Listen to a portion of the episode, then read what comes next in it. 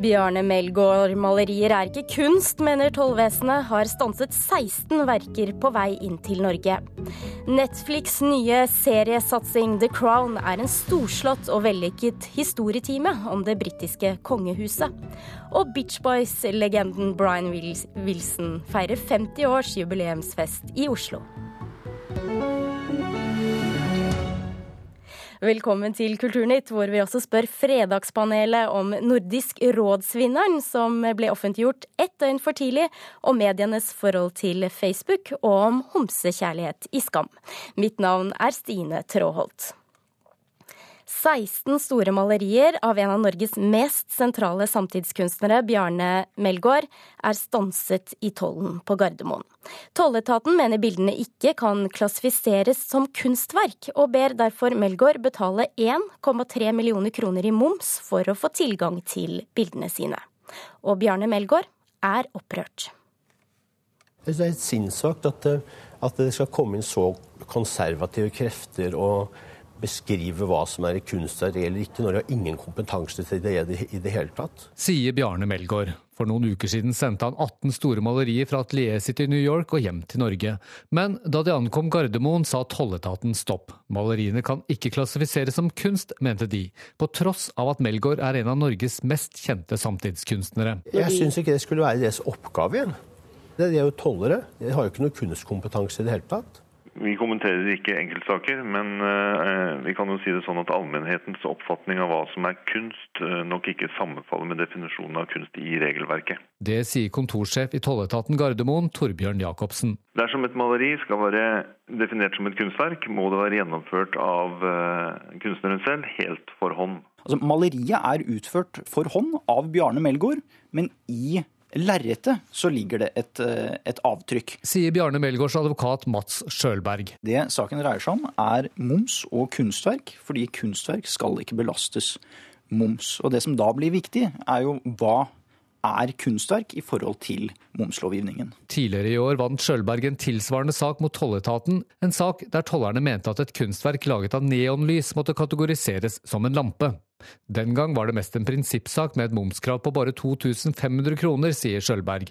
Men for de 16 Melgaard-bildene som selges for 350 000 kroner stykket, er momsregningen på hele 1,3 millioner kroner. Det som er problemet i denne saken, eh, er at tollmyndighetene legger til grunn en langt snevrere eh, forståelse av kunstverkbegrepet enn det det er rom for i dagens regelverk? Vi eh, følger eh, regelverket, det gjør vi. Men jeg vil ikke si at vi eh, er firkanta for å være firkanta, nei. Det er gallerist Gard Eikli som venter på de 16 bildene. Han er svært fortvilet over situasjonen. For meg så er jo dette her krise. Jeg har jo brukt masse penger på å få disse, disse verkene til Norge, Norge, og dette her er jo er jo malerier som jeg trenger for å fortsette drift av galleriet. Reporter i dette innslaget var eh, Petter Sommer.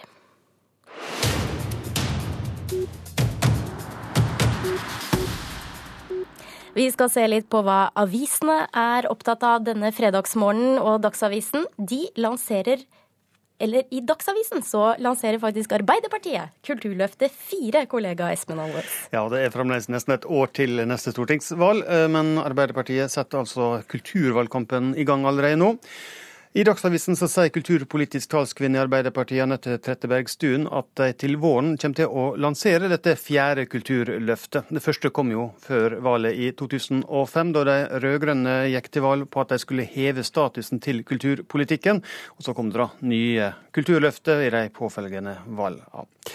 Den første pekepinn på hva innholdet i dette fjerde kulturløftet blir, det kan vi få allerede neste veke. Da legger Arbeiderpartiet fram sitt alternative statsbudsjett, og da lover de bl.a. kunstnerne 70 millioner kroner ekstra til levekår.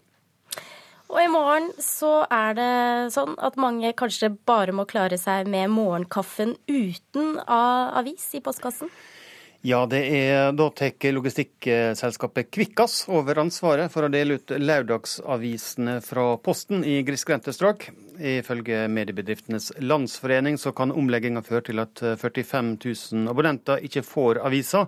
Grunnen er at Kvikkas har andre frister og innleveringssteder enn Posten, og nå krever opposisjonen at regjeringa rydder opp. Senterpartileder Trygve Slagsvold Vedum sier til VG at samferdselsministeren lover at ingen skulle miste lørdagsavisa da han fjerna Postens plikt til å levere post seks dager i veka. Vedum mener derfor at eh, ministeren nå må gripe inn, når det ser ut til at dette likevel skjer. Tusen takk for at du orienterte kollega Espen Alnes. This new Elizabethan age comes at a time when mankind stands on the edge of catastrophe. You my wife or my queen? I am both, and a strong man will be able to kneel to both. I will not kneel before my wife. Your wife is not asking you to. But my queen commands me. Yes. I beg you make an exception for me. Ja, alle som har lengtet etter et britisk kostymedrama, dypdykk i skandaler, krig og dødsfall rundt den britiske tronen får sitt når Netflix-serien The Crown slippes i kveld. Sigurd Vik, anmelder i Filmpolitiet, du har sett serien, du. Hva syns du? Du, det var en eh, meget uh, fin opplevelse å sette seg ned og se ti timer om uh, familien Windsor og um, det som omga dem da i perioden rett etter andre verdenskrig. Vi starter vel i 1947 her, og så går vi raskt opp til, til 50-tallet og, og, holder oss på 50-tallet. De har jo ambisjoner om å lage seks sesonger, så vidt jeg har forstått, av det her, men nå er det da den første del av det britiske kongehusets liv vi fikk, og, og det er elegant i alle ledd, altså. Og så er det sånn at serien den omtales allerede som The Crowntown Abbey pga. likhetene med Downtown Abbey. Kan denne serien på en måte virke litt angstdempende for de som sliter med Downtown Abbey-abstinenser? Ja, Nå skal ikke jeg påta meg rollen og si at jeg kjenner abstinensene til alle de ulike Downton Abbey-fansa, men det her er i hvert fall en, en god porsjon lindring, for den er veldig god som epokedrama. Den er veldig god på å få fram den makta som sitter i en institusjon som Buckingham Palace. Man skjønner på en måte at det ikke bare bare er å komme inn og, og følge sin egen vilje. Det er mye eh, tradisjoner og det er mye eh, renkespill også blant tjenere, stab osv. osv. Men den er mye mer enn bare en uh, Crownton Abbey, om du vil. Da. Den er også en serie som klarer å fange opp uh, det storpolitiske. Det er et uh, vaklende britisk imperium, det her. Det er innenrikspolitiske problemer. Du har en aldrende Winston Churchill som, mm, ja, i hvert fall ut fra serien, nå skal ikke jeg være historiker her, men han, han tviholder jo litt på, på makta i sin siste periode som statsminister, så det er mye som ligger der og ulmer i bakgrunnen. Og så har du da dronning Elisabeth i forgrunn. Og uh, serieskaper Peter Morgan er veldig god på å klare å kombinere det der personlige dramaet med epoken og uh, også det, det sosiale, for det er jo en opinion her som begynner å, å, reagere litt på kongehuset og, og kirkestaten og, og, den konservative England. Det er brytningstid på 50-tallet, og det får, kommer også veldig fint fram, ikke minst da i disse skandalene som blant annet søstera til, til, dronninga er en sentral del av. Så, så den er veldig rik på, på veldig mye, denne serien. Ja, og er det historisk korrekt, dette her? Ja, der skal ikke jeg være veldig bastant. Og det er klart, det her er en serie som har valgt å la dronning Elisabeth være eh, helten, hovedpersonen. Det er ikke sånn at hun er uten lyter, men det er helt klart at uh, det er fra hennes perspektiv vi ser en del ting. Og det er jo for eksempel Winston Churchill blir jo De er slemmere med han eh, enn i forhold til karakterbrister og sånne ting enn med dronning Elisabeth. Men som sagt, ikke historiker, så jeg skal ikke påstå så mye om det. Men det er noen ting jeg har hørt, som jeg kanskje ville ha trodd at uh, ville ha vært med, men det her er jo folk som lever enda, og det er klart det er litt press på manusarbeid òg, når man skal beskrive levende personer, og ikke minst statsledere og kongelige. Men det virker som, som The Crown uh, har truffet en, en, tone hvor de klarer å være i hvert fall troverdige overfor for meg som ser. Ja, og er det noen feil her, så har jeg en følelse av at det vil komme fram og blir ropt ut når tiden er inne. Denne hovedkarakteren, dronninga Elisabeth, du sa at hun blir fremstilt veldig sympatisk. Eh, er det bare det? Nei da, hun har eh, karakterfeil, men det er veldig sånne menneskelige trekk, så det er ikke noe man på en måte tenker at hun er en dårlig person. Men altså, hun, hun vises fram både på, på, sine verste og sine beste sider, det gjør hun absolutt. Og hun eh, tar jo en del valg etter hvert som hun trer inn i den rollen som er dronningrollen, eh, som også går på bekostning av ektemann og, og søsken og, og andre. Så, så, det er klart vi får veldig mye tid og veldig forståelse for den konflikten som som preger den unge dronninga, mesterlig spilt av Claire Foy, må sies, etter hvert som hun må gi slipp på privatpersonen Elisabeth og, og tre inn i dronning Elisabeth-rollen. Så altså en helt klar anbefaling fra deg? Og ja, første halvdel av serien er veldig, veldig veldig god TV, og så dabber den litt av fordi at de historiske hendelsene i starten er så dramatiske at det blir et lite antiklimaks å bli med videre, men her er det så mye gull at det er bare å, å sette over T-en og sette av ti timer, hvis man er disponert for den slags, selvfølgelig. Tusen takk, Sigurd Vik, anmelder i Filmpolitiet, som snakket om The Crown. Og da så skal vi snakke om Beach Boys. Stemmeprakten er kanskje ikke det den en gang var, men Brian Wilson, som gjorde Beach Boys til en av verdens største band, han er fortsatt aktiv. Og søndag så kommer den aldrende stjernen til Oslo for å fremføre mesterverket The Pet Sounds.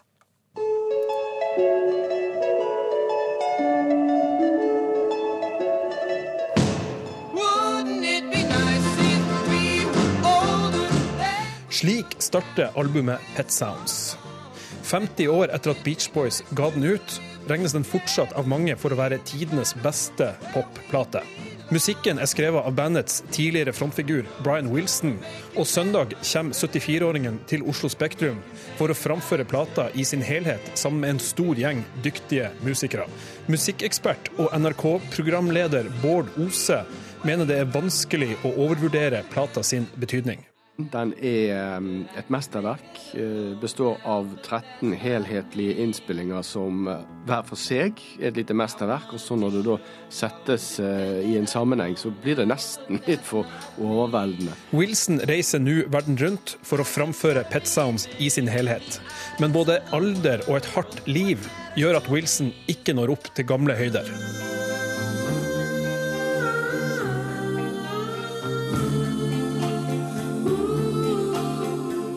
Den høye falsetten hans er nå borte, og må synges av andre når han spiller live.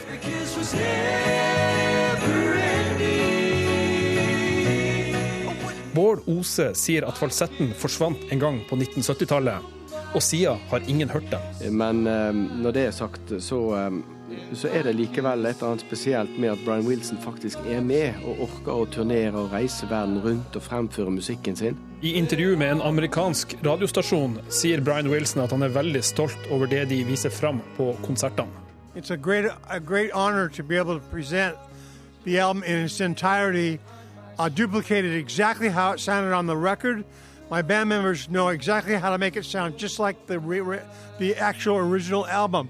People can't believe it. They said, "Brian, we can't tell the difference between the album and your and your performance." I couldn't believe it. Det er av og til um, litt vondt å se på han, fordi han um, svarer som om han er en slagpasient. Um, og det, det, gjør han pga. det livet han har levd. Og han kan virke barnslig. Han kan uh, i neste øyeblikk virke utrolig oppvakt. Til tross for at Wilson er 74 år gammel, tviler Ose på at dette er hans siste turné til Europa. Uh, Brian Wilson er en sirkushest. Han må ha duften av sagmugg, og den får han kun hvis han reiser rundt og spiller musikken sin, og på den måte føler at han virkelig lever. I guess I just wasn't made for these times. Reporter Oddvin Aune. Klokken er nå 17 minutter over åtte. Dette er nyhetsoverskriftene i dag. I Tyrkia er elleve politikere i et protkurdisk parti pågrepet i en stor politiaksjon i fire byer i natt. I tillegg er en person drept og mange skadet etter en bombeeksplosjon i Diyarbakir. Statoils gamle oljeplattformer er sårbare for dataangrep fordi datasystemene ikke er laget for å være koblet til internett. Og skattepresset øker mot boligutleietjenesten Airbnb. Kina har sikret seg informasjon om utleierne. Vi følger med, sier skattedirektøren, som varsler enklere regler for de som leier ut her i landet. Og her i Kulturnytt så har vi kommet frem til Fredagspanelet, som i dag består av musikkjournalist i VG Sandeep Singh, instruktør Bente Eriksen og med oss fra studio i Drammen, direktør i Produsentforeningen Virke, Torbjørn Urfjell. Først så går vi på Nordisk råds litteraturpris, for denne uka kom Dagsavisen ved en feil til å offentliggjøre vinneren ett døgn før prisutdelingen fant sted. Og ikke bare det, de beskrev også selve seremonien. Blant de nordiske journalistene som dekket arrangementet i København, ble det hvisket i krokene om at dette var en presseskandale. Var det det? Spørs hvor du legger lista på skandale, men ja, flaut. Ja. Ja, liten. Og Torbjørn Urfjell. Ja, klar skandale. Klar skandale! Da får du få lov å begrunne det aller først, Torbjørn. Jeg, altså det, jeg er styreleder i Gullruten og er jo involvert i Amanda. Hadde dette skjedd med, så hadde jeg vært rasende. Eh, Og et slikt brudd på spillereglene, det gir, eh, sånn, for å snakke om hva det betyr for mediene, så gir det først og fremst et klart rødt kort til Dagsavisen. Men så er det litt verre at det òg gir et gult kort til alle de andre. Men da, siden du sitter i eh, Amanda-komiteen, kan du forklare oss hvordan kan egentlig dette skje? Det som har skjedd, det er jo det at Nordisk råd oppfatter at de har for lite interesse om eh, prisene sine, så de har eh, gitt ut vinnerne til eh, åpenbart en del redaksjoner. Så har Dagsavisen selvfølgelig helt ubehjelpelig og, og kjempeleit for de klart å bomme og, og trykke det dagen før. Og Det viser jo at de har for få ressurser til å få lov til å holde på slike hemmeligheter. Og Da kan ikke Nordisk råd operere på den måten lenger. Bente Dette, Eriksen. dette tror jeg vi er helt enige om alle sammen. Altså, spørsmålet om eh, nei, sperrefristens eksistens, berettigelse i vår tid, er vel også noe man bør diskutere. Men altså, jeg tenker også at eh, en minst like stor skandale var den manglende evnen til å ta takle nærgående journalister fra Dagsavisens side. Det var nesten en sånn derre Det minna om Tom Tvedt, spør du meg. Jeg tror de trenger en medierådgiver i Dagsavisen. Hvordan da? Ja, det var lett klassete, kan man vel si. Men alle kan jo gjøre en feil, Sandeep Ja, ja. Ja, Det minner meg jo veldig om eh, den gangen eh, var, var det en østerriksk eller sveitsisk avis, jeg husker ikke. De publiserte en anmeldelse av en George Michael-konsert eh, som aldri skjedde. Eh, anmelderen hadde vært på konserten i en annen by, men hadde beskrevet den som om det da var eh, der. da. Eh, og det er jo veldig kleint. Eh, Det er også noe som er forståelig, fordi man, eh, man lager saker i forveien, og, men det er greit å forsikre seg om at Nelson Mandela faktisk er død før man publiserer livet hans i bilder eh, og sånt på nett.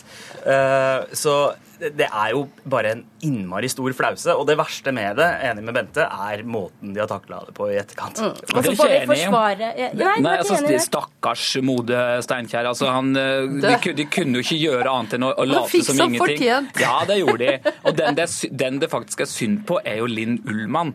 For det å altså sitte de intervjuene som hun måtte gjøre før hun går på, inn i den salen, og liksom Å, kjempeglad for at hun vant den andre, og det er så hyggelig å være her. Det er jo det, og det, som, er, det, er det som gjør alt så kleint. Så her må de over på need to know-basis. De kan ikke blåse vinnerne mer. Nei, og vi avslutter med det også til Dagsavisens lille forsvar her. da En tidlig deadline gjør at man må planlegge, og da kan jo feil skje. Vi hopper videre til eh, mandagens hendelse, for da fikk endelig kulturminister eh, Linda Helleland og et samlet norsk redaktørkorps møte en representant for Facebook. Og bakgrunnen det var hendelsen der Facebook sensurerte bildet av napalmjenta fra Vietnamkrigen tidligere i høst, og kravet fra norske redaktører om at Facebook enten må erkjenne redaktøransvar, eller la norske redaktører utføre sitt. Og svaret fra Facebook var eh, løftet om å legge opp til et bedre samarbeidsrutiner. Og med et tettere samarbeid, går da norske aviser til sengs med fienden? Torbjørn? Nei. Eh, nei og ja, for hva skal man gjøre? Ja, Det spørs litt på hvems premisser. Ja eller nei? Uh, nei. nei. Nei, og da vender jeg ditt om til ja, jeg. Bente Eriksen. Jo, nei, men altså Jeg tenker For det første så syns jeg kred til Espen Egil Hansen i Aftenposten. Det var tøft at han tok det opp. Og flott å få dem i tale, og det er det første man må gjøre. fordi jeg mener, Facebook er i startgropa uansett om det har eksistert eh, et antall år. Og hvordan løser man denne type hva skal man si, globale problemer? Altså, Vi er på et minste felles eh, multiplum når det gjelder da retningslinjer. Du kan ikke komme til noe minste felles multiplum når det gjelder ytringsfrihet. men eh, dialog er vel kanskje det første man må starte med? Torbjørn? Ja, altså, det, Facebook er jo ikke medienes fiende, det er jo en konkurrent. Og det jeg opplever at de gjør her, det er å forsøke å, å, å regulere en uregulert konkurrent. Det å, det, sånn sett så er det, et, eh, det å, å, forsøke å inngå et samarbeid med Facebook mer et, et, forsøk på et dødskyss og det å inkludere for å ufarliggjøre, eh, enn en, en, en, kamp egentlig mot de, da. Ja. Men kan det ikke være litt naivt å tro at man egentlig kan samarbeide med mediegiganten? Jo, men det er jo òg et ønske om å få de regulert. De lever jo veldig godt på, i Facebook med at, eh, at ikke de har regler å forholde seg til. De sier jo de har regler. Jo, men de dikter de opp sjøl. Det å ikke ha reguleringer som eh, de må forholde seg til, som andre òg eh, har å forholde seg til. Og de redigerer. Absolutt. Hva hadde du tenkt? Ja, nei, altså Egentlig så har mine tanker allerede blitt sagt. Men jeg mener jo at man med å behandle Facebook som en distribusjonsplattform også. fordi det, det, det, jeg syns det er mer det enn en direkte konkurrent til mediene. Uh, og, og, det er det man gjør. Man, man, man tenker litt uh, altså fremover. Og, og jeg, jeg, tror, som Bente sier, at det er viktig å bare ta den praten. Vi mm. går ikke nødvendigvis til sengs med fienden bare fordi man starter en dialog. Og så har de i hvert fall sagt fra, og det nyttet på en måte, selv om det måtte både en statsminister og en hel avis få si det til. Norge fronter. Jeg er fristet til å hoppe videre ja, til Skam. For denne gangen så hylles de for å ikke sette den eh, homofile hovedpersonen Isak i bås, og at kjærligheten mellom han og Even fortelles som helt et helt vanlig kjærlighetsforhold, og ikke som et homofilt kjærlighetsforhold. Hvis dette først skjer i 2016, har da norsk eh, TV- og filmbransje forsømt seg i alle år fram til nå? Sandeep Singh. Ja og nei. Bestem, da. Si, ja, OK, jeg sier ja, jeg. jeg sier ja. ja. Og jeg er helt enig med han. da får jeg si ja, men det er jo ikke det som er spørsmålet. Nei, det er ikke det. altså, kan vi, ikke, kan vi ikke si 'endelig', liksom? Altså, ja. Honnør til NRK, sier jeg til manusforfatter og produsent og regi. Jeg syns det er helt rått bra. Men det er jo også et produkt av vår tid, tenker jeg. Mm -hmm. Så det er på høy tid, og noen gjør det. Det er det viktige. Og skaper gode forbilder. Så jeg har egentlig lyst til å flytte det litt. Er ikke dette også et slags Altså det spørsmålet som stilles her, er ikke det et slags filmpolitisk spørsmål også? Hvordan da? Fordi eh, norsk film, f.eks., som jeg kan mer om enn norsk TV, eh, blir mer og mer kommersialisert. Man teller mer og mer publikum. Man skal ha mer og mer egenkapital. Er dette et tema man ville tjent penger på? Og det syns jeg er et viktig filmpolitisk spørsmål. Og så eh, tenker man jo at eh, NRK, som alltid har hatt råd til å være idealistiske, kunne gjerne ha gjort dette før, men jeg syns det er veldig fint at første gang det blir gjort, så blir det gjort av noen som er så flinke til å prate med ungdom som det folka bak Skam er. Eh, og altså, denne sesongen her syns jeg er den beste hittil.